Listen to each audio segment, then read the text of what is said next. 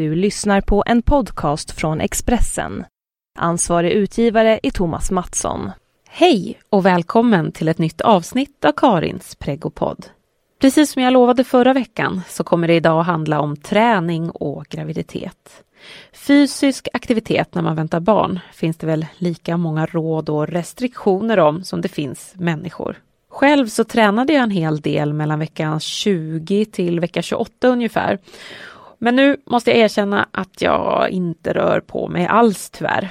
Men idag så ska ni få träffa den gravida elithandbollsspelaren Mikaela Ek som ger sin syn på träning och hur hon som elitidrottare hanterar den förändrande kroppen. Särskilt med tanke på att kroppen är hennes arbetsredskap.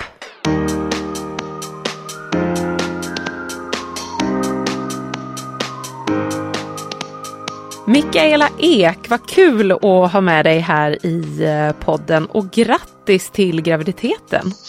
Tack så jättemycket.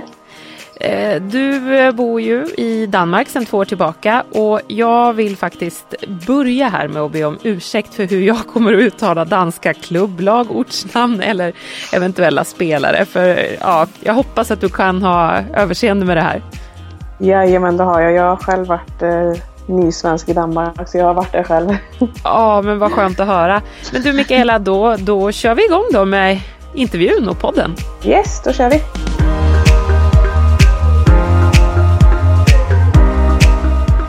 –29-åriga Mikaela Ek väntar sitt första barn ihop med den danske handbollsspelaren och pojkvännen Kasper Gudnitz. Mikaela spelade 22 år i en klubb i Skövde innan hon för två år sedan blev en del av världens bästa damliga, den danska. Mikaela har också gjort 12 A-landskamper och 10 mål i blågult, senast i OS i somras i Rio de Janeiro.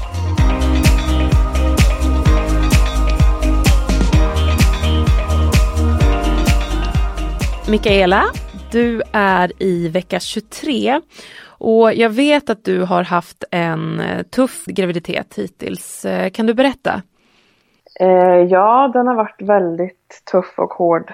Eh, jag trodde där när jag kissade på stickorna och fick reda på att jag var gravid att eh, det här ska nog gå jättebra. För i början, eh, första veckan, så var det ingenting. Och jag fick ju reda på det ganska tidigt i vecka sex tror jag att det var. Så jag tänkte, ja men det här, piece of cake, det blir inget illamående och allt sånt där. Men så kom det bara som ett brev på posten. Eh, jag blev jättedålig direkt och fick, jag hade konstant illamående eh, från morgon till kväll. Och det var liksom sånt där illamående som man inte kan styra utan det var liksom att jag var tvungen att gå på toaletten och spy direkt och kunde nästan inte få i mig någon mat och ja, låg nästan konstant i sängen i två månader. Mm. Och hur mår du nu? Ja men nu är det ju eh, lyx, lyxliv om man jämför med tidigare. Nu är det liksom, det är först den här veckan som jag känner att jag nästan inte alls mår illa på morgonen. Det kommer om jag äter dåligt eller får lite lågt blodsocker. Eh, men annars så mår jag väldigt bra tycker jag. Mm. Vad tycker du var det jobbigaste med den där inledningen? På graviditeten med det här kraftiga illamåendet och kräkningarna? Ja, men jag tyckte väl att i och med att jag har ett så speciellt jobb om man ska säga. Det är inget vanligt 7 4 jobb där du går och sitter kanske på ett kontor där du kan gå till toaletten när du vill eller sådär. Utan just att jag visste att jag skulle prestera fysiskt. Eh, och för att kunna prestera fysiskt så ska du ju eh, sova och du ska framförallt kunna äta för att få i energi för att kunna prestera på träning eller match. Och det var väl det som var jättesvårt i början. Eh, att jag körde på ändå och tänkte att jag klarar det utan att jag äter så mycket. Och, men till slut så insåg jag att det går ju liksom inte. Um, så jag fick ju sjukskriva mig ganska fort. Mm. Och hur reagerade ditt, ditt eh, lag och klubben?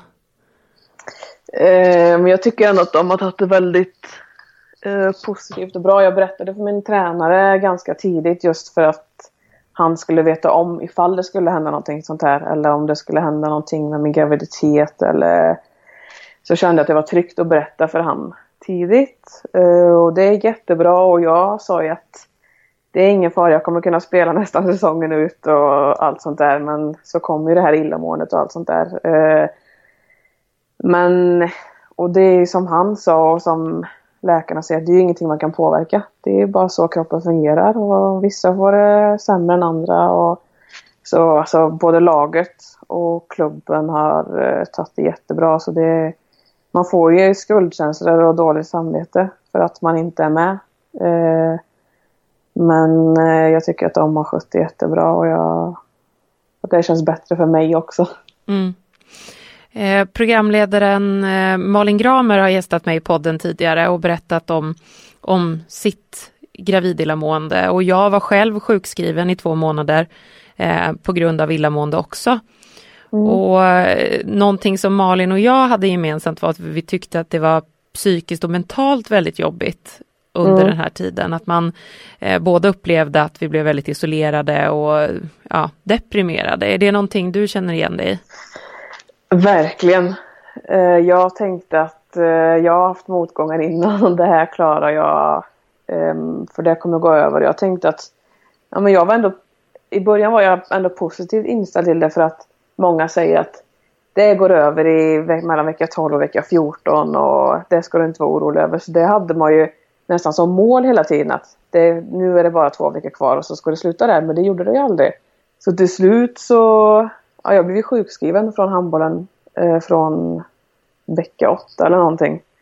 Eh, och egentligen skulle jag kanske kunna spela fram till vecka 14. Men eh, jag låg nästan bara hemma i sängen och kunde inte göra någonting. Så till slut så kände jag bara att ska jag fortsätta ligga så här så, så kände jag som ni att jag kommer gå in i en depression. Alltså jag vet inte vad jag ska göra för vad man än gjorde så blev liksom inte känslan bättre och illamåendet försvann inte. Och ju ju längre det gick så tappade man mer energi och man ville bara ligga nästan i ett ja, men svart tomt rum och sova. Så jag kände väl också som ni att man nästan gav, gav upp hoppet lite där. Mm. Faktiskt. Och när fick du tillbaka hoppet då? För att jag förstod att det var bara sista veckan nu som du egentligen bara mår illa, mån, äh, mår illa före frukost och så. Eh, ja, men sen...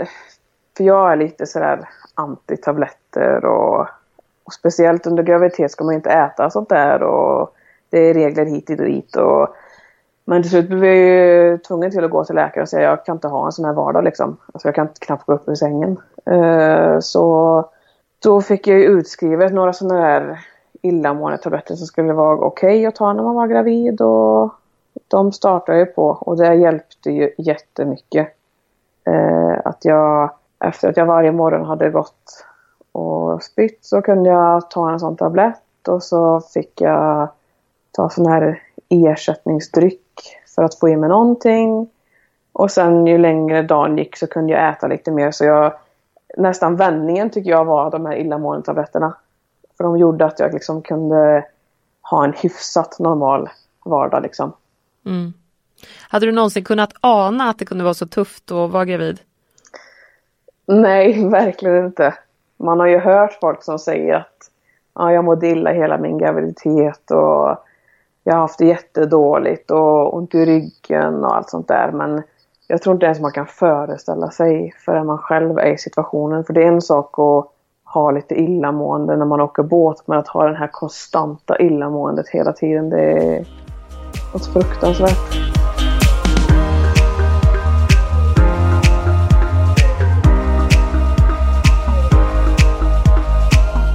Mikaela, jag tänkte att eh, vi skulle berätta för eh, de som lyssnar som inte har jättekoll på eh, handboll och Danmark och så att handbollen just där är ju mycket mer uppmärksammad än vad den är i Sverige.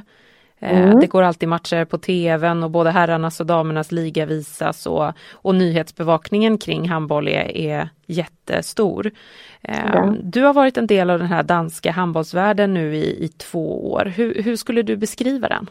Eh, jag ska väl beskriva som du säger mycket att det är mycket mer eh, mediebevakning på ett annat sätt än vad det är i Sverige. Du, bara som nu innan vi står och pratar här så gick jag in på, det finns en, det finns ju massa sådana där sidor du kan gå in på för att se uppdateringar om eh, transfernyheter och om det har varit en match för att se resultat och alltså varje dag när jag går in så är det konstant eh, ett flöde om eh, vad som har hänt och vad som eh, kommer till exempel på tv idag, vilka som ska byta klubb och allting. Och även ett chattforum som också är på den här sidan. Som folk diskuterar hela tiden om spelare och vem ska gå dit och hur kunde den prestera så och, eh, och det kan ju vi spelare gå in och läsa. Eh, så så sätt är det ett annat och också mycket mer, mycket mer tv-matcher än vad det är i Sverige. Eh, så jag tycker att generellt så är det mycket mer, det är mycket större än vad det är i Sverige på det sättet. Mycket mer fokus och att man får väldigt mycket mer uppmärksamhet. Mm. Och, och du eh, är ju del av den här världen och outade under våren att du är gravid. Men mm. samtidigt så råder det ju babyboom i hela den danska handbollsligan i övrigt också. Eh, jag tänker den senaste säsongen har minst tio spelare i den högsta ligan blivit gravida, eller hur? Ja, det stämmer. Eh, och, men den här liksom gravidlyckan, babyboomen, den, den ledde ju tyvärr till att den förre Eh, Eh, eller före detta förbundskaptenen för landslaget och numera Odense-tränaren Jan Pytlik, han, han eh, gav sig in i det här och förbjöd flera av sina spelare, eller flera av sina spelare att skaffa barn efter att tre av dem i laget hade blivit gravida på kort tid. Och jag undrar, vad tänkte du när du hörde att han, att han hade sagt så här, att han hade gjort det här utspelet? Ja, men för det första så får man väl ta det lite med en nypa salt, det här som kommer, vad han har sagt och inte sagt. Och eh, efter att det hade kommit ut så fick det ännu mer uppmärksamhet eh, i media och av andra tränare och av eh, nyhetsprogram och sådär. Så de gjorde ju ytterligare intervjuer med han för att förklara, så är det så här du menar? Ska inte dina spelare få bli gravida? Eller vad har varit ditt syfte med det du har sagt? Och det som har kommit fram är väl inte riktigt att han har sagt att mina spelare får inte bli gravida. Men jag tror mig att det var att det blir en frustration som tränare och speciellt har du tre spelare eh, i ditt egna lag som blir under kort tid eh, så tror jag vilken tränare som helst hade blivit frustrerad och kanske outat sig på ett sätt eh, som man kanske egentligen inte menar. Men det han sa var väl mer tror jag att det var väl någon spelare där som jag fattat som som skrev på något längre kontrakt och sen efter bara några månader så kommer hon ut med att hon är gravid. Mm. Eh, att man då kanske ska... Um, sen, alltså man ska inte sitta och säga att ah, bara så du vet så har jag tänkt att bli gravid här nu. För det vet man ju aldrig när det händer eller sådär. Men att det mer ska vara en öppen och ärlig dialog om det. Ja, jag kan läsa upp exakt vad han har sagt ja. i efterhand. Då, då. Eh, jag har inget emot att spelare blir gravida, det är en kvinnas rätt. Eh, det som är irriterande är att vi skriver ett avtal med en spelare på tre år. Efter tre månader är spelaren gravid. Jag tycker bara att det är viktigt att vi får en debatt om det här. Jag tycker att det ska vara en ärlig dialog mellan klubb och spelare så vi kan leva upp till de förpliktelser som vi som klubb har mot sponsorer och de målsättningarna man har satt upp. Det är mycket svårt att leva upp till det när det är många spelare som faller bort under en säsong. Eh, så alltså Odense-tränaren Pytlik då efter att efter att han kallat till sig laget och, och haft och sagt det här eh, uttalandet om att, om att han eh, eh, hoppades att inte fler spelare skulle bli gravida. Vad säger du om det här resonemanget? Det låter som att du försvarar, försvarar honom ändå. Alltså jag tycker att det är... Dels när man själv är, lever i det så är det svårt. För jag vet bara när jag själv tänkte på eh, om jag, alltså, jag har jätte, jag under lång tid tänkt på att jag vill ha barn och allt sånt där men för det första så vet man ju aldrig om man inte, alltså hur lång tid det tar för en kvinna att bli gravid. Det är ju jätteolika. Så du kan inte säga, men bara så du vet nästa månad har jag tänkt att bli gravid. För vissa har jättesvårt för det, vissa kan inte ens bli gravida. Så det är ett jättekänsligt ämne. Du sitter ju inte heller på en vanlig jobbansökan och säger att nej, bara så du vet så har jag tänkt att bli gravid. Alltså, det har man ju kanske inte heller rätten att fråga. Och så är det ju även i handbollsvärlden att jag kanske hade tänkt att bli gravid men jag vet inte om jag blir om en månad eller ett och ett halvt år. Nej. Eh, så... Men tycker du att det är rätt av en, av en tränare att uttrycka sig på det här sättet om, om eh, kvinnokroppen? Alltså det handlar ju till syvende och sist om att män kan inte bli gravida. Det är bara kvinnor som kan det. Ja, och jag tycker det är rätt det här med att eh, man ska ha en, eh, alltså en, en dialog om det. Inte dialog om att nu har jag tänkt att bli gravid. Men att generellt att man ska kunna prata om det eh, på ett annat sätt. Och det tror jag har kommit upp mer nu för att det är mer fler spelare som har blivit gravida än vad det var tidigare. Det är inte jättemånga spelare om man ser tio år tillbaka som blev gravida och spelar utan det är ju nu som det har blivit en explosion av det känns det som. Och speciellt nu den här säsongen då när det är minst tio som har blivit gravida. Eh, så det är väl också därför ämnet har kommit upp. Eh, och därför är det så svårt att säga vad som är rätt och fel i den här situationen. För det finns ju egentligen inget rätt och fel. Och jag tror det att det är så ovant för många tränare eh, så man vet kanske inte riktigt hur man ska reagera eller agera. Mm.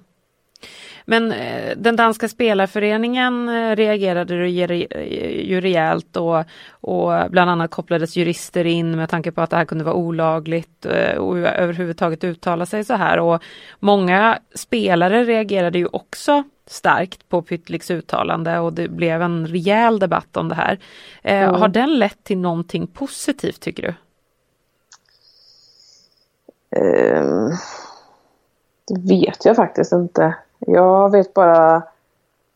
Jag tror att många ser det som negativt för att, att alla känner, alltså alla har ju rätt att bli gravida oavsett när det är i livet. Och få ett sånt utlåtande, eller och speciellt till de spelarna som är drabbade. Jag förstår att man tar sig illa vid och att det låter jättehårt och allt sånt där. Eh, sen, samtidigt som jag kan förstå frustrationen från klubb och tränare. Eh, och det är en jättesvår situation. Mm. Eh, och jag vet ju bara själv hur jag kände när jag blev gravid att det finns ingen bra tidpunkt för att bli gravid när du är elitidrottsutövare. Om det skulle vara i början på säsongen, mitt i eller i slutet. För oavsett så missar du någon del av säsongen. Och det vill man ju aldrig. För du vill ju ta del av hela säsongen. Eh, så det kände jag ju själv att man känner som att man eh, sviker sitt lag och klubben. För jag har skrivit på ett kontrakt eh, precis som någon annan har ett kontrakt, kontrakt på sitt jobb. Men här, här handlar det om prestation på ett annat sätt som du ska göra varje dag. Och liksom, jag kände i alla fall att jag fick skuldkänslor och dåligt samvete. och hade jobbigt när jag skulle berätta att jag var gravid även om jag var lyckligast i hela världen egentligen. Så det är faktiskt en jättespeciell och svår situation. Jag tänkte vi ska stanna kvar inom handbollsvärlden men en annan liga och ett annat land. Eh, mm. För precis innan årsskiftet så avslöjade den spanska tidningen El Mundo hur spanska ligaklubbar ofta inför en klausul i kontrakten som ger dem rätt att sparka spelaren om hon skulle bli gravid. Och den här klausulen den är olaglig men den drabbar ofta unga spelare som inte har så stor erfarenhet av hur kontrakt ska se ut och vad som egentligen gäller. Och jag tänker bevisligen eh, så har det inte gått så långt att man har liksom gravidklausuler varken i Danmark eller Sverige. Eh, men det låter onekligen som en tuff värld att vistas i om man vill kunna kombinera familj och en proffskarriär. Ja, och jag vet också att det har pratats om eh, här i Danmark det här med att man ska ha en gravidklausul. Eh, men att det just är olagligt. Att det får man inte ha. Och det är ju där som du säger den spelarföreningen som finns här kommer in. Eh, som just har specialister på området och en jurist. Eh, och det är väldigt betryggande för en själv. För som du säger, speciellt många unga som skriver kontrakt eller som jag till exempel kommer från Sverige och ska skriva i Danmark. Eh, kontrakten om jag jämför med Sverige och Danmark är ju jätteolika. Så jag har ju ingen aning om vad ska man ha med, vad är rätt, vad är fel, vad är okej. Så man kan ju lätt bli lurad och speciellt då som ung när man inte har någon erfarenhet av att skriva kontrakt. Eh, så jag är inte förvånad att det har blivit så det här som du säger med Spanien att man har skrivit in det här. Men som jag har fattat för det här så är det olagligt att ha en klausul i kontraktet om graviditet och det, det är ju helt rätt. Mm. För så ska det inte få vara i, i den här spanska artikeln då, eller avslöjandet från El Mundo så kommer också, det här är så hemska uppgifter, men om att en, en ung spelare då blev gravid och fick sparken från klubben. Eh, och hon blev deprimerad såklart av det här och genomförde en abort och sen några dagar senare eh, så erbjöds hon ett nytt kontrakt av samma klubb för att hon inte längre var gravid. Och jag tänker, kan drömmen om ett proffskontrakt vara så stor att man känner sig tvingad till, inte att göra abort kanske, men att, att eh, kanske skriva på trots att man ifrånsätter sig rätten att bli gravid? Ja, det var ju ett fruktansvärt exempel. Ja, visst är det. Det är eh, verkligen vidrigt. kroppen. Ja. Eh, Ja, men jag tror... Eh, alltså, i ham alltså inte bara i handbollsvärlden, men generellt i idrottsvärlden så... Det är, som, det är ju ett speciellt liv och som vi pratade om tidigare, du har liksom din kropp som redskap för att kunna utföra ett arbete. Så därför tror jag att man du tänker hundra gånger extra eh, när det passar i tiden. För det första att du ska bli gravid. Eh, ska jag, som du säger, ska jag offra det här eh, för min karriär? Och jag tror för många att det är väldigt, väldigt svårt. Eh, och det skulle inte förvåna mig om många tänker så som du säger att, att man sätter familjelivet och det här med att skaffa barn eh, i andra hand för att man vill leva klart eh, drömmen om en proffskarriär eller bli bäst inom sin idrott eller vad man nu har för mål och drömmar för att du blir ju inte yngre och någon gång så stoppar ju det här eh, att du kan utöva din idrott. Eh, så jag tror faktiskt att det är vanligare än vad man tror. Eh, men det tror jag också är det som är positivt om du ska ta handbollen som exempel att det är fler och fler som blir gravida för att de har sett exempel på att oj, det är faktiskt väldigt många som kommer tillbaka efter en graviditet. Det behöver inte betyda att ditt, din proffskarriär eller ditt idrottsutövande är slut bara för att du går igenom en graviditet. Utan det är faktiskt många spelare som har upplevt att de blir bättre och jag vet att det även har gjorts forskning på att de som har blivit gravida och kommer tillbaka och spelar eh, faktiskt fysiskt och någonstans mentalt blir bättre för att nu vet jag inte exakt vad det är, jag ska inte uttala mig, jag vet inte, men att det, det händer någonting i kroppen. Någonting som utsöndras och, utsöndras och händer och inte om det här med moderskänslor, att det är någonting som händer som faktiskt gör att du blir bättre. Mm. Och rent fysiskt har jag förstått att det är den enda gången man i livet kan få hjärtmuskeln att växa också. När man är gravid. Ja, det har inte jag hört så det var någonting nytt men det är mm. positivt. Då.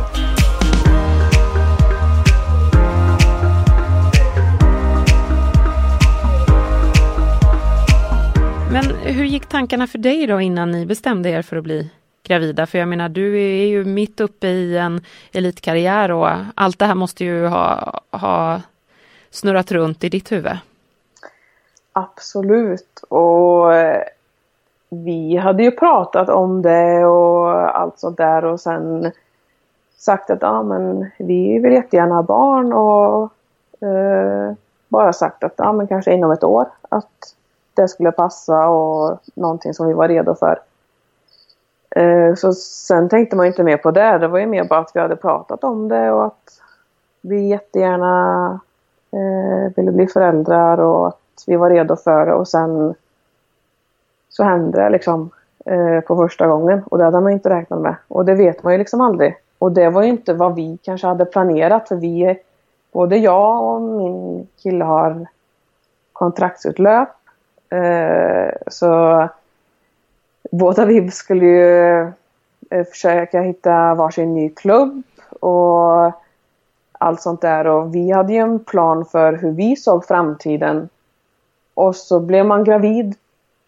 Eh, och då, alltså allt bara blir som man inte hade tänkt sig. Eh, allt som man kanske hade planerat och tänkt att så har vi tänkt och så vill vi att det ska vara. Så kom det bara in att oj, nu är jag gravid. Det var inte alls som vi hade planerat eller tänkt. Mm. Eh, så det var en jätteomvälvning att bara shit, vad gör vi nu?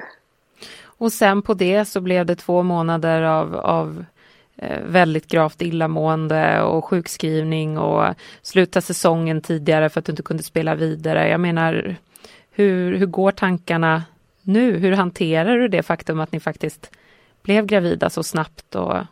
Uh, I början förstod man nog inte riktigt. Det var ju som att leva i en bubbla. Du har sett två streck på en pinne och det betyder att du är gravid. Eh, men man förstod nog inte innebörden av det egentligen. Alltså jag tror, vi pratade faktiskt om det här om dagen att, att vi eh, nog fortfarande verkligen inte har förstått att vi ska bli föräldrar. Man ser att magen växer och det rör sig men vad är egentligen innebörden av det? Eh, så det var egentligen först kanske, jag tror efter en månad så var det så här bara oj, vi ska bli föräldrar och då blev det liksom, ja då landade det lite att man förstod vad som hade hänt. Så fick man ju börja därifrån att okej, okay, jag måste inse att jag kan inte spela handboll nu eh, på minst nio månader.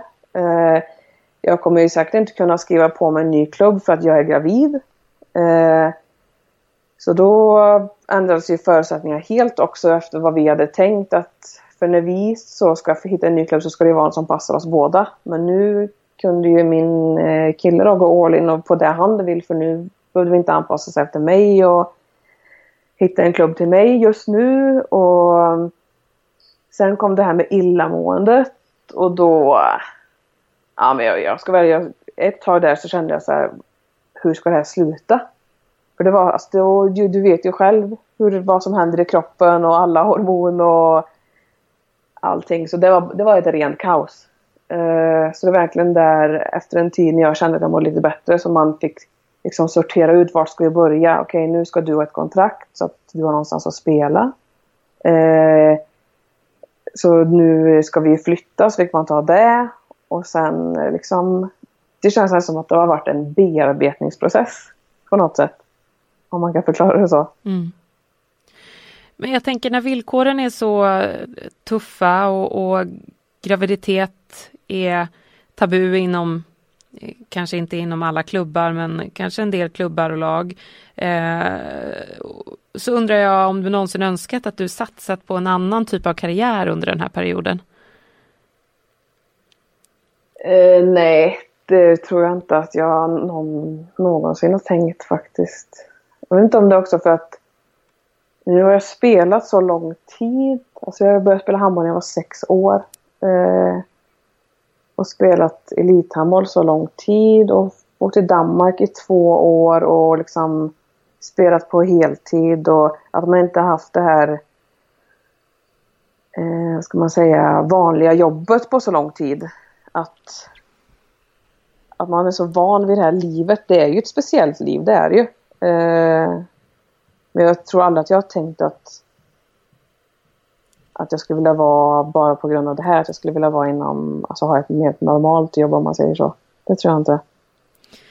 Eh, du, har ju, du är sjukskri sjukskriven som sagt och spelat klart för den här säsongen och eh, ditt kontrakt då med, med topplaget eh, Ringköping det löper ut i sommar. Och sen mm. eh, precis som du har varit inne på så har det ju nu under våren avslöjats att din kille som ju också är elithandbollsspelare har signat för en ny klubb. Säger man Randers eller? Yeah, ja, det säger man. Eh, och han sa i en intervju i och med det att förhoppningarna är att du ska börja träna eh, träna just alltså i samma klubb redan i vinter. Har du samma målsättning? Ja, mina måls eller min målsättning är att jag vill komma tillbaka så snabbt som möjligt. Eh, sen får man ju absolut se hur det går för det första. Eh, efter man har fött och att allt har gått bra och hur man själv mår och hur kroppen återställer sig och allt sånt där. För det har man ju ingen aning om. Eh, men eh, min känsla nu och min, mina förhoppningar är att jag vill komma igång så fort som möjligt och eh, ja, då komma igång och träna med en klubb för att få in handbollen också så fort som möjligt. Och det skulle väl eh, var jätteskönt om det kunde vara i Randers eftersom min kille spelar där och vi ska flytta dit. Eh, så om de vill ha en extra träningsspelare under säsongen så är jag villig att med. Men känner du stor press på att hålla dig i form nu trots graviditeten? Jag tänker du har ju mått så himla illa och, och eh, har ju inte kunnat fortsätta att träna i egna laget och så. Så hur går tankarna kring form, formtänket? Eh, ja, formtänket var nog värst i början tror jag. Eh, när man var, då när man fortfarande var inne i det. Eh, och började må så dåligt så var det ju mer så här. shit, jag kommer inte kunna träna, jag kommer inte kunna hålla mig i form och bara den här rastlösheten av att inte kunna göra det man brukar var jobbigt. Men nu, sen kom det en period där, Eh, där jag kände att men nu kanske jag kan gå till gymmet lite eller cykla lite eller sådär. Så då gjorde jag det ett tag. Eh, och sen har jag också fått lite foglossning såklart på det här. Så då har det blivit nu att jag inte kan eh, träna så mycket. Men nu ju längre det har gått har jag känt så här. Äh, är det någon gång jag kan ta lite ro och alltså, ta det lugnt. Eh, så är det nu. För nu, även om jag vill komma tillbaka så har jag, har jag inte skrivit på något kontrakt för en ny klubb. Att jag liksom inte har samma press att någon står och flåsar mig i nacken att du ska vara klar till säsongstart. Så jag känner lite mer så här avslappnad och vet ju inte nästa gång i livet när jag kommer kunna ha den här perioden att du inte behöver träna. Så jag tycker att just nu är det lite skönt att känna att ja, men du är faktiskt gravid så nu när du mår lite bättre ska du faktiskt kunna njuta lite av det också och inte känna den här pressen att du ska gå till gymmet varje dag för att prestera eller bli bättre. Så jag kör lite mer chillträning om man kan uttrycka det så. Vad är det för något då? Ja men det är mer, jag kör det som jag tycker att jag Ja men dels det jag mår bra utav för att man har mått så jävla dåligt. Ursäkta jag svär men det har man ju gjort. Eh, så hellre att jag går en lång promenad på en timme än att jag går ner och köttar frivändningar i gymmet. För det har jag inte riktigt behov av nu. Utan jag gör det som jag... Ja men bålträning, stöka upp bäckenet för att jag har ont i ryggen och sånt som jag vet att kroppen mår bra av just nu. Mm. Var kommer det självförtroendet ifrån då? För jag tänker annars att eh, om man hade lite sämre sånt, att man kanske skulle kunna känna en väldigt stor press på sig just att, att eh, det får nästan inte märkas att man är gravid utan man måste fortsätta att träna hårt och, och vara, liksom, prestera jäkligt bra för att snabbt kunna komma tillbaka. Mm. Men jag tror att jag lite mer har växt in i För början tyckte jag att det var jättejobbigt. Jag tyckte det var jätte, ska jag erkänna, jag tyckte att det var jättejobbigt. Och bara känna att jag skulle få en mage när man alltid har varit van vid att träna och inte haft eh, det här extra fettet och liksom ändå haft en hyfsat tränad kropp. Det ska jag erkänna, det tyckte jag var jättejobbigt. Eh, alla de här förändringarna som man inte var van till. Eh, och träna fast man blev större. I vanliga fall brukar det vara att träna, okej okay, så håller du i form så kan du äta lite gott i gott och allt sånt där. Och ändå prestera bra och känna att du orkar och så. Men ju längre det har gått nu, jag tror faktiskt att det här med illamåendet har eh, haft en stor del till att jag känner att jag är, jag är så lycklig och glad över att jag mår så bra nu än vad jag gjorde i början. Så då, då har det med träningen blivit att det har gått lite åt sidan. Att jag hellre gör saker som jag känner att jag orkar och att kroppen mår bra av. Att känna att jag ska behöva gå och riva av ett pass i gymmet för att jag ska kunna spela handboll om 6, 7, 8, 9 månader. Mm. Eh, för jag tror att jag har så många år som jag har tränat eh, i både löparbana och på gym så tror jag att jag har en hyfsat eh, bra grundstyrka och det här med konditionen är ju färskvara men det kommer ju tillbaka när man, kom, när man börjar sen så det, det är jag inte orolig för att jag inte ska hitta tillbaka till.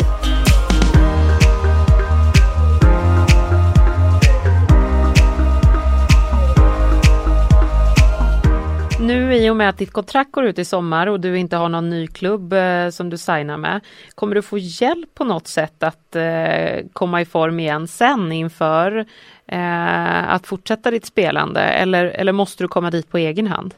Nej, men det är klart att jag inte har samma förutsättningar som om jag hade eh, hade liksom haft kontrakt för då har man ju alltid tillkopplat en fystränare till eh, klubben och nu när jag inte har kontakt så har jag inte det men eh, skulle jag få träna med en klubb och inte vara på kontrakt så skulle jag väl få använda den fystränaren också. Och det är ju mycket fysiskt just på försäsongen och allt sånt där. Så sen har man ju kontakter sen innan att den tränaren behöver inte vara fysiskt på plats. Eh, jag har ju tränare som jag har haft hemma i Sverige och genom landslag och sådär. Så att skulle man behöva hjälp så finns det hjälp att få. Att man får program utskickade eller har en dialog över telefon och sådär. Så jag tror att om jag behöver en extra spark i röven så har jag nog de kontakterna till att hjälpa mig. Mm. Vad skönt. Men, men du, ja. du sa där eh, att det var svårt med förändringen av kroppen i början. Jag tänker, mm. vad har du för relation till din kropp nu när du är i vecka 23? Um, ja, men jag börjar acceptera det mer att liksom, du är gravid, du blir ju inte mindre, det säger sig självt. Uh, men i början tror jag att jag tyckte att det var svårare för då är det ju det här liksom mellanperioden där jag kände att det känns som att jag varit på McDonalds varje dag och är lite lunnfet på magen. Och den känslan gillade inte jag riktigt. Uh, men nu har det börjat bli en gravidkula om man säger så. Så nu ser man ju att man är gravid. Jag tror bara den, den känslan gör mycket att det känns bättre. Men jag kan ju inte säga att jag är superbekväm eh, i att vara gravid. Jag vet inte om det har någonting just det här med träningen att göra. Att man är van vid att se ut på ett visst sätt och att jag sett ut så som jag gör nu i jättemånga år. Eh, att det har med det att göra. Ja, jag vet inte, ehm, jag, jag är inte jag bekväm med att vara gravid heller kan jag säga. Nej, Nej, men det är bara någon speciell känsla och det känns, jag kan känna att det känns jättedumt att säga det. För det man får ut av det är helt fantastiskt. Men mm. bara, ja, jag vet inte, det känns bara som att det växer åt höger och vänster och det... Ja, jag vet inte. Det, jag är inte jättebekväm i det kan jag säga. Jag tänker jag som eh, är en vanlig liksom, motionär, jag tränar regelbundet när jag inte är gravid men, mm. men eh, jag upplever ju en enorm skillnad i att eh, konditionen är helt urusel.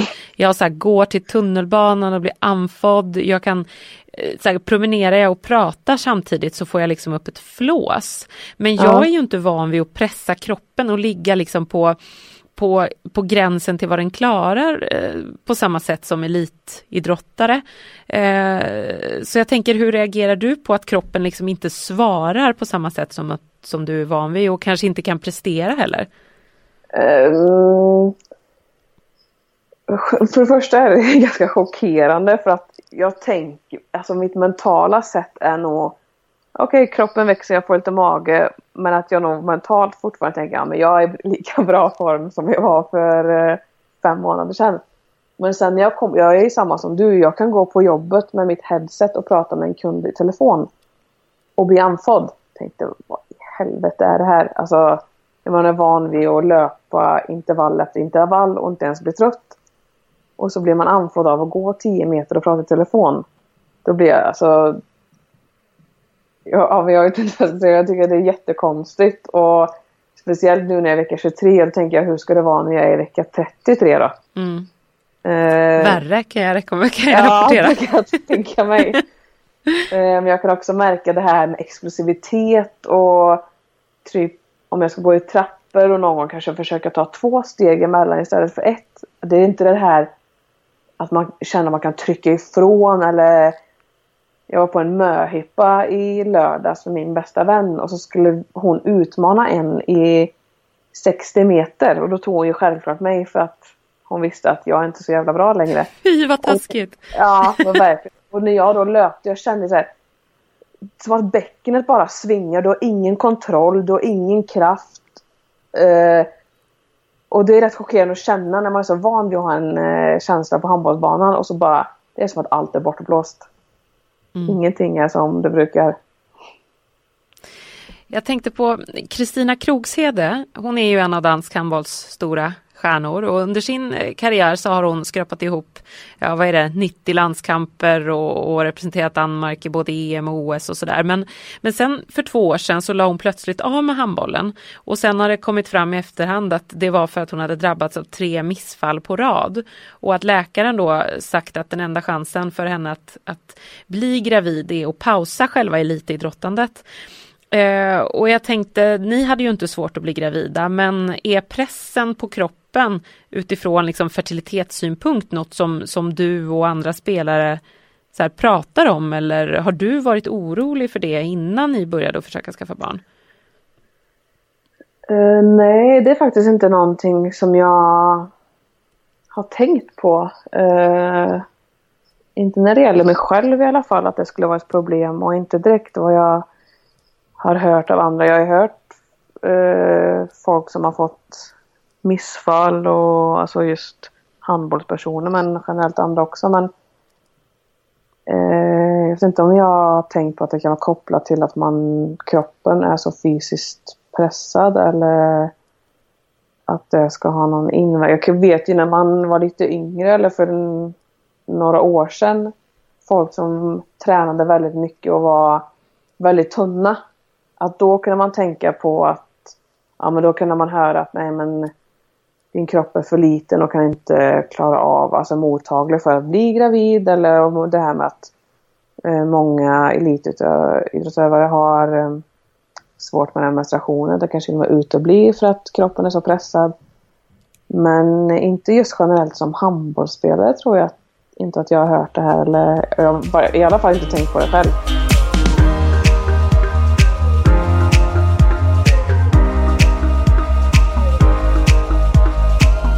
Jag tänkte att vi skulle prata om eh, dig och din kille Kasper. Eh, ja. Ni tillhör ju samma värld, eh, samma liksom handbollsvärld i Danmark så det känns ju inte helt otippat att just ni två hittade varann. Men jag tänkte ändå att du ska få berätta hur det gick till när ni träffades. Ah, spännande. Eh, jag och... Eh, eller jag flyttade först ner till Danmark, till Silkeborg där jag skulle spela. Eh, och flyttade ner som singel då jag kom från en ganska lång relation på sju år. Ehm, så skulle jag och en från mitt lag åka på ett dubbelarrangemang i Holstebro där damerna och herrarna skulle spela.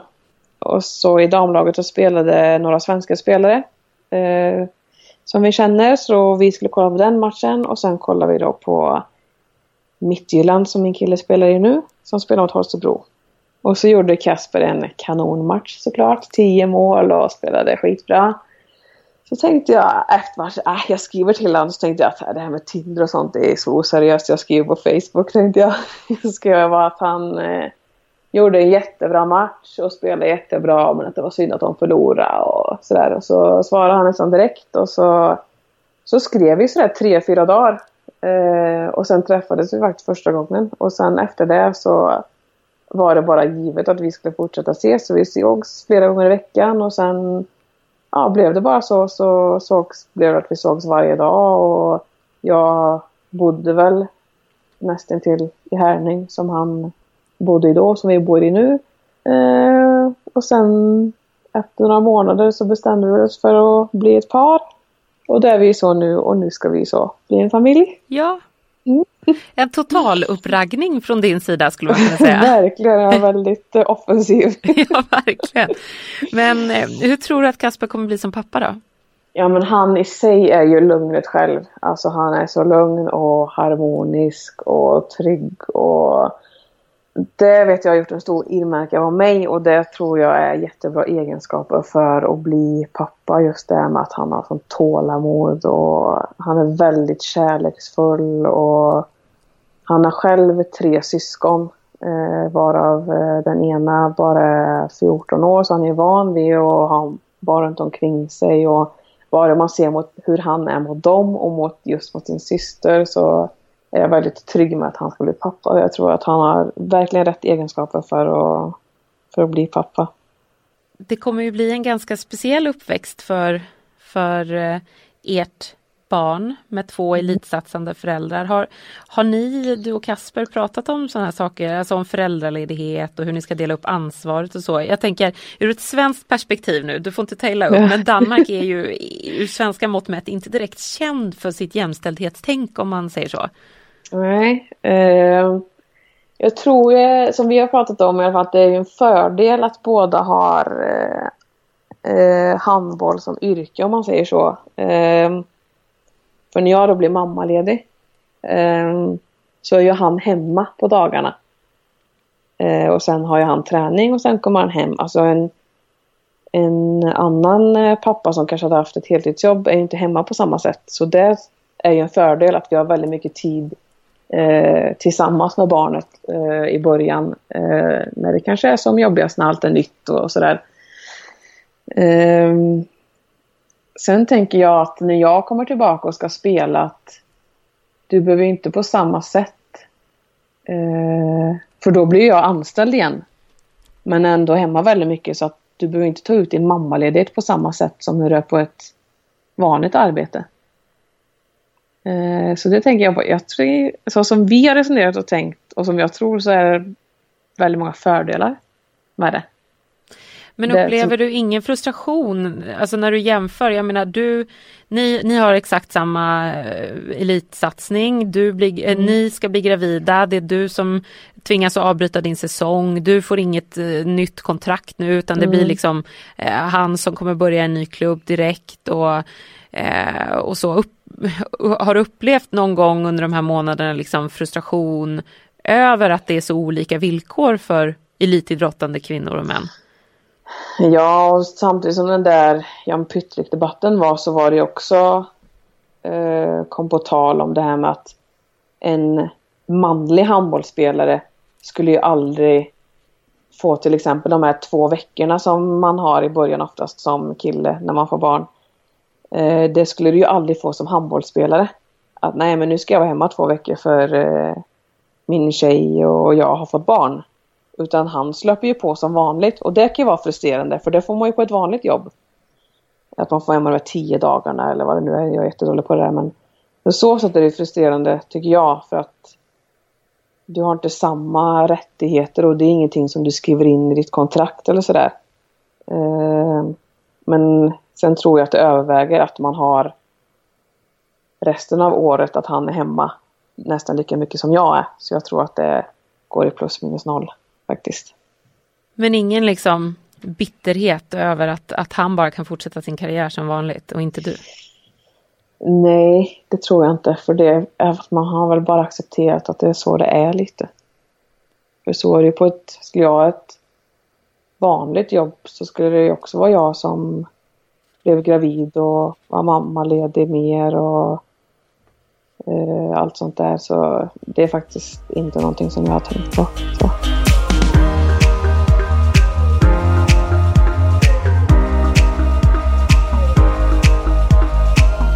Jag tänkte eh, på förlossningsförberedande kurser så pratas det mycket om att ha målbilder. Och då tänker jag att det måste ju passa en elitidrottare perfekt, eh, just det här med att visualisera och ha målbild. Eh, så jag tänker, hur, hur ser dina tankar ut när det gäller förlossning? Åh gud, jag är livrädd. Är du? Ja. Åh, vad tråkigt att höra. Jag vet ju att det är ja. jätte, jättemånga som är det, det är ju jättevanligt. Men eh, varför är du det? Ja, men dels så har inte vi kommit till att vi har gått på någon sån där kurs än. Eh, vi ska på vårt som första samtal och kurs om två veckor tror jag det är. Eh, jag, vet inte, jag vet inte varför jag är, jag, alltså jag är verkligen livrädd. Jag, det är först nu det har gått upp för mig nu när jag har fått en mage att bara shit det här ska ju faktiskt ut också. Det finns liksom ingen återvändo. Eh, och jag önskar att jag verkligen kände som många av mina handbollsvänner till exempel som pratar om det här med förlossning och har fött att du kommer klara dig garant, du är van vid press och träna hårt och tänkte att det är som ett hårt jävla träningspass. Men jag kan, som du säger, det här med målbilder och visualisera, det är man ju jättebra på annars men det, det existerar inte nu. Jag kan inte ens tänka en tanke på att hur jag ska ligga på en förlossningssal och trycka ut ett barn. Jag är liksom bara jag har bara känslan av att det känns som att jag inte kommer kunna klara av det och varför jag känner så, det vet jag inte. Och det är faktiskt jättejobbigt. Det är som att, och nu har jag väldigt mycket för mig så det är som att jag trycker bara bort, ja men det är långt kvar, jag vill inte tänka på det.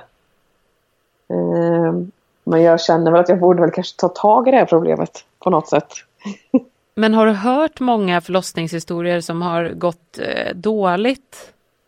Nej, verkligen inte. Och jag har väldigt många omkring mig nu som har fått barn.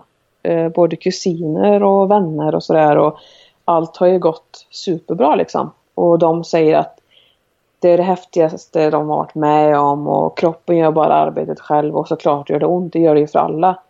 Men att det verkligen är något som man vill uppleva.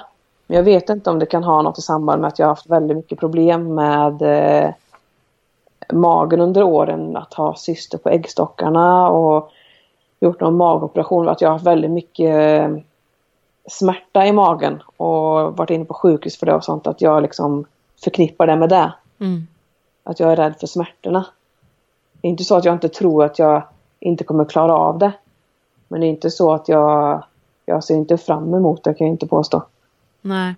Men tänker du för, förutom så här förlossningsförberedande kurser och så, tänker du att du ska kanske prata med någon särskilt för det här eller tror du att det kommer att kännas bättre efter den typen av kurser där du får med fler verktyg?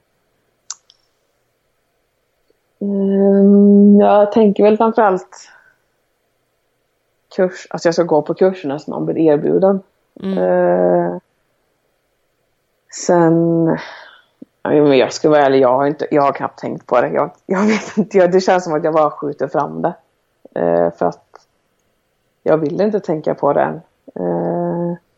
Och sen frågar man ju såklart folk, men alla, det är klart att alla förlossningar är olika och alla upplever olika, men i slutändan är det samma som man får höra att du kommer klara dig galant och du är van vid det här och det här och då är det som att då går det in i ena örat och ut i andra för mig. Så jag tänker att det kanske blir lite mer verklighet för mig när jag börjar gå på de här kurserna och förstå vad det innebär och då kanske de här att jag kan visualisera och sätta upp målbilder kommer, mm. jag. Jag är ju i vecka 31 eh, mm. och jag har eh, jag känner inte att jag är rädd inför förlossningen men däremot så har jag inte tänkt på den. Jag har verkligen försökt att skjuta det där framför mig. Jag känner igen det. Mm. Eh, men nu när jag är i vecka 31 så börjar det liksom bli omöjligt nästan. Ja. så hade jag en kompis på besök som födde i somras och så fick jag en, eh, en eh, bok av henne, Att föda utan rädsla. Hette den. Okay. Ehm, där det handlar mycket om att kroppen gör eh, det som den är menad att göra på något sätt. Mm. Eh, du kan ju googla, kolla upp den. Ja. Att föda utan rädsla. Så Verkligen. hoppas jag att den kanske hjälper. Ja, jag ska på semester här nu så jag kanske kan ligga i solsängen och läsa den Ja men det låter väl bra. Gör det tycker jag.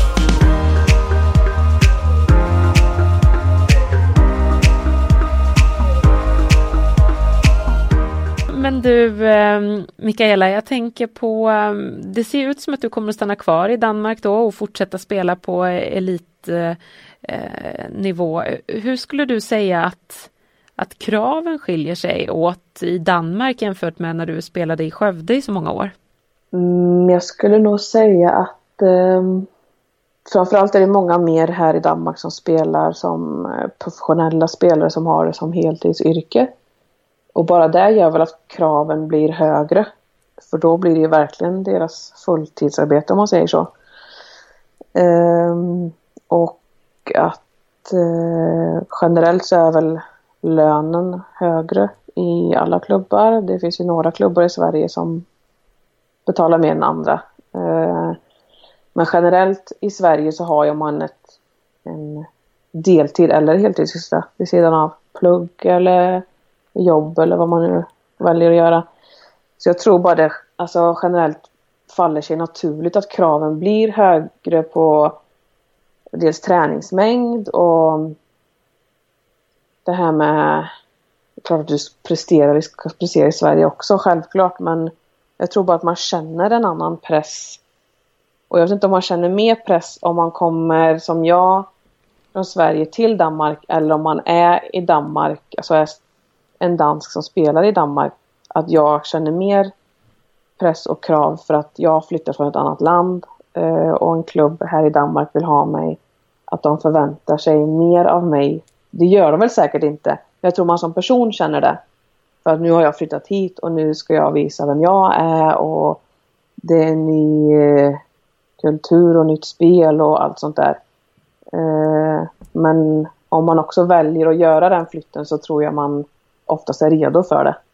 Men du är inte sugen på att göra typ en, med tanke på pengar och så, göra en Guldén och dra till Bukarest? Eh, enligt henne så är det ju inte, det är inte fotbolls eller hockeylöner där men, men för att vara handboll på damsidan så är det bra, bra med pengar. Har du haft sådana tankar? Ja men det är klart att man eh, har tänkt så. Eh, det är en, du tjänar ju väldigt bra och du kan det är ett bra sätt att spara pengar på och göra något som du älskar. Eh, och det är en väldigt bra liga och, och, man får spela Champions League och man spelar i bästa laget och allt sånt där. Så det, du får ju både handbollen och pengarna men jag, är väl, jag som person är väldigt... Eh, jag har ju hört att miljön där och hur man lever är ju inte... Det är kanske inte det man önskar att ha i en vardag eh, när man är van vid att leva i Sverige eller i Danmark. Jag är väldigt... Eh, att det är vid sidan av Eh, hur jag lever ska vara en trygg miljö för mig och det tror inte jag att jag hade känt om jag spelade i till exempel Rumänien. Eh, där kanske man inte ens hade haft någon svensk eller eh, ja, men bara levnadsvillkoren eller hur man skulle bo. Jag är väldigt känslig för sånt. Så jag vet, tror inte riktigt att det kanske hade passat mig. Men nu vet jag inte hur det skulle vara om både jag och min kille flyttade. För då har man ju varandra. Men att flytta själv så tror jag inte att det skulle vara någonting för mig även om jag tjänade väldigt bra. Mm. Danmark och Norge eh, kommer ju tillsammans eh, eh, arrangera, eller Sverige kommer tillsammans med Danmark och Norge arrangera VM eh, 2023. Eh, mm. Hur ser du på din roll då? Vad, vad gör du då? 2023? Det är några år dit och jag är ganska gammal. um, det är sex år. Ja. ja. Inte så gammal, 35 då. Mm. Ja, det skulle ju vara väldigt häftigt om man fortfarande spelade. Om kroppen eh, tillät det. Eh, jag har ingen aning om hur länge jag kommer spela handboll. Eh, jag kommer göra så länge min kropp klarar det och så länge man har ambitionen och motivationen till att göra det. Så det kunde ju vara kul om man fortfarande spelade där men jag tror inte att man är landslagsaktuell där direkt som 35-åring. Men eh, eh, man kanske har några vänner som är med i landslaget och jag kommer ju garanterat se på det och följa det. Det kommer jag göra resten av livet även om jag inte spelar. Jag, ja, jag vet faktiskt inte. Jag hoppas att jag har någonting med handbollen att göra i alla fall. Även om jag inte spelar så kanske jag kan själv se mig som tränare för småbarn eller vara engagerad på det sättet. Men hur länge, själv, hur länge till, du är 29 nu, ser du dig som elitsatsande då? Alltså det är väldigt svårt att säga. Uh, nu har ju peppa peppa min kropp mått väldigt bra förutom att jag har lite haft problem med, haft lite problem med ett knä. Uh, men annars så är ju frisk i kroppen så. Och så länge man är det och känner att kroppen klarar fysiskt och så länge man har motivationen till att satsa på elitnivå så tror jag att jag kommer fortsätta. Och det hoppas jag i alla fall att jag kommer göra i, i några år till. Eh, sen kan jag inte säga om det är två år eller om det är sex år. Det har jag ingen aning om. Men 2023 där, eh, har du fler barn? Jag ju, efter den här graviditeten har jag sagt att det bara ska bli en för att jag mådde så jävla dåligt. Men nu när man mår bra så känner jag såklart att jag vill ha mer barn. Jag, vi har pratat om att vi vill ha två, tre barn så det har vi nog. Du förresten, jag tänkte vi ska avrunda nu men innan vi slutar. Jag mm. har förstått att du älskar att sova länge. Ja. Eh, vad har du för strategi när det gäller det nu när bebis ska komma?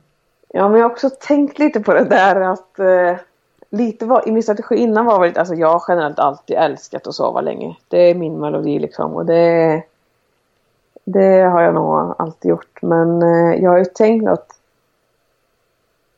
det stämmer inte det här som jag säger nu men att nu när jag har mått så dåligt så har jag också kunnat sova väldigt mycket och att det har varit en bra förberedelse inför sen när man inte kan sova länge så att jag liksom har preppat bra innan. Så det... din strategi är att, att, att, sova jättemycket nu så att du kan vara vaken sen? Ja, jag tänker att jag laddar, råladdar upp batteriet här nu innan. Eh, även om jag vet att det inte kommer funka.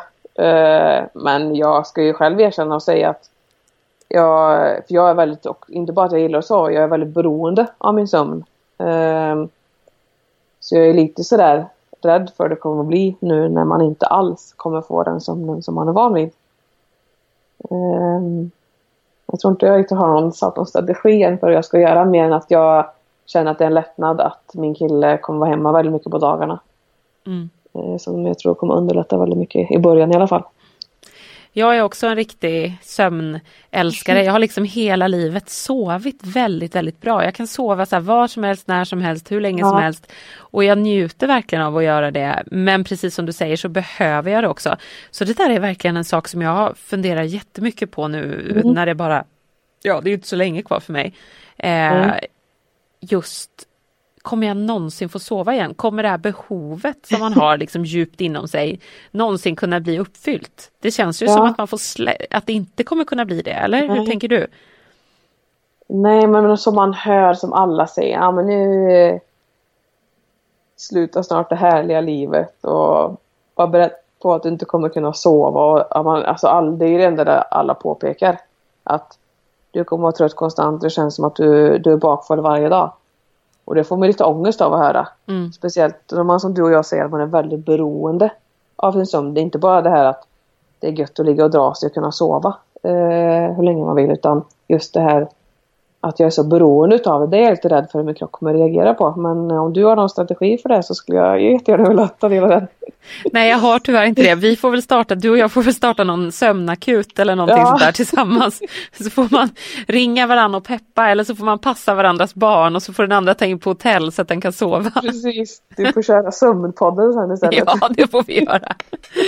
Men du, Mikaela, lycka till både med ja, sömnen, elitsatsandet och med resten av graviditeten och bebis. Tack så jättemycket för att du var med i eh, min pregopodd. Ja, tack själv för att jag fick vara med och lycka till till dig också. Tack!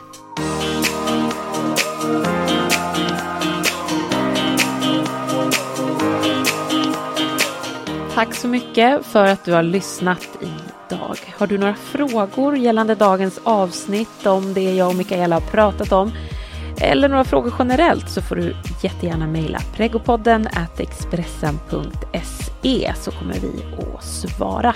Nu önskar jag en trevlig helg så hörs vi igen nästa fredag.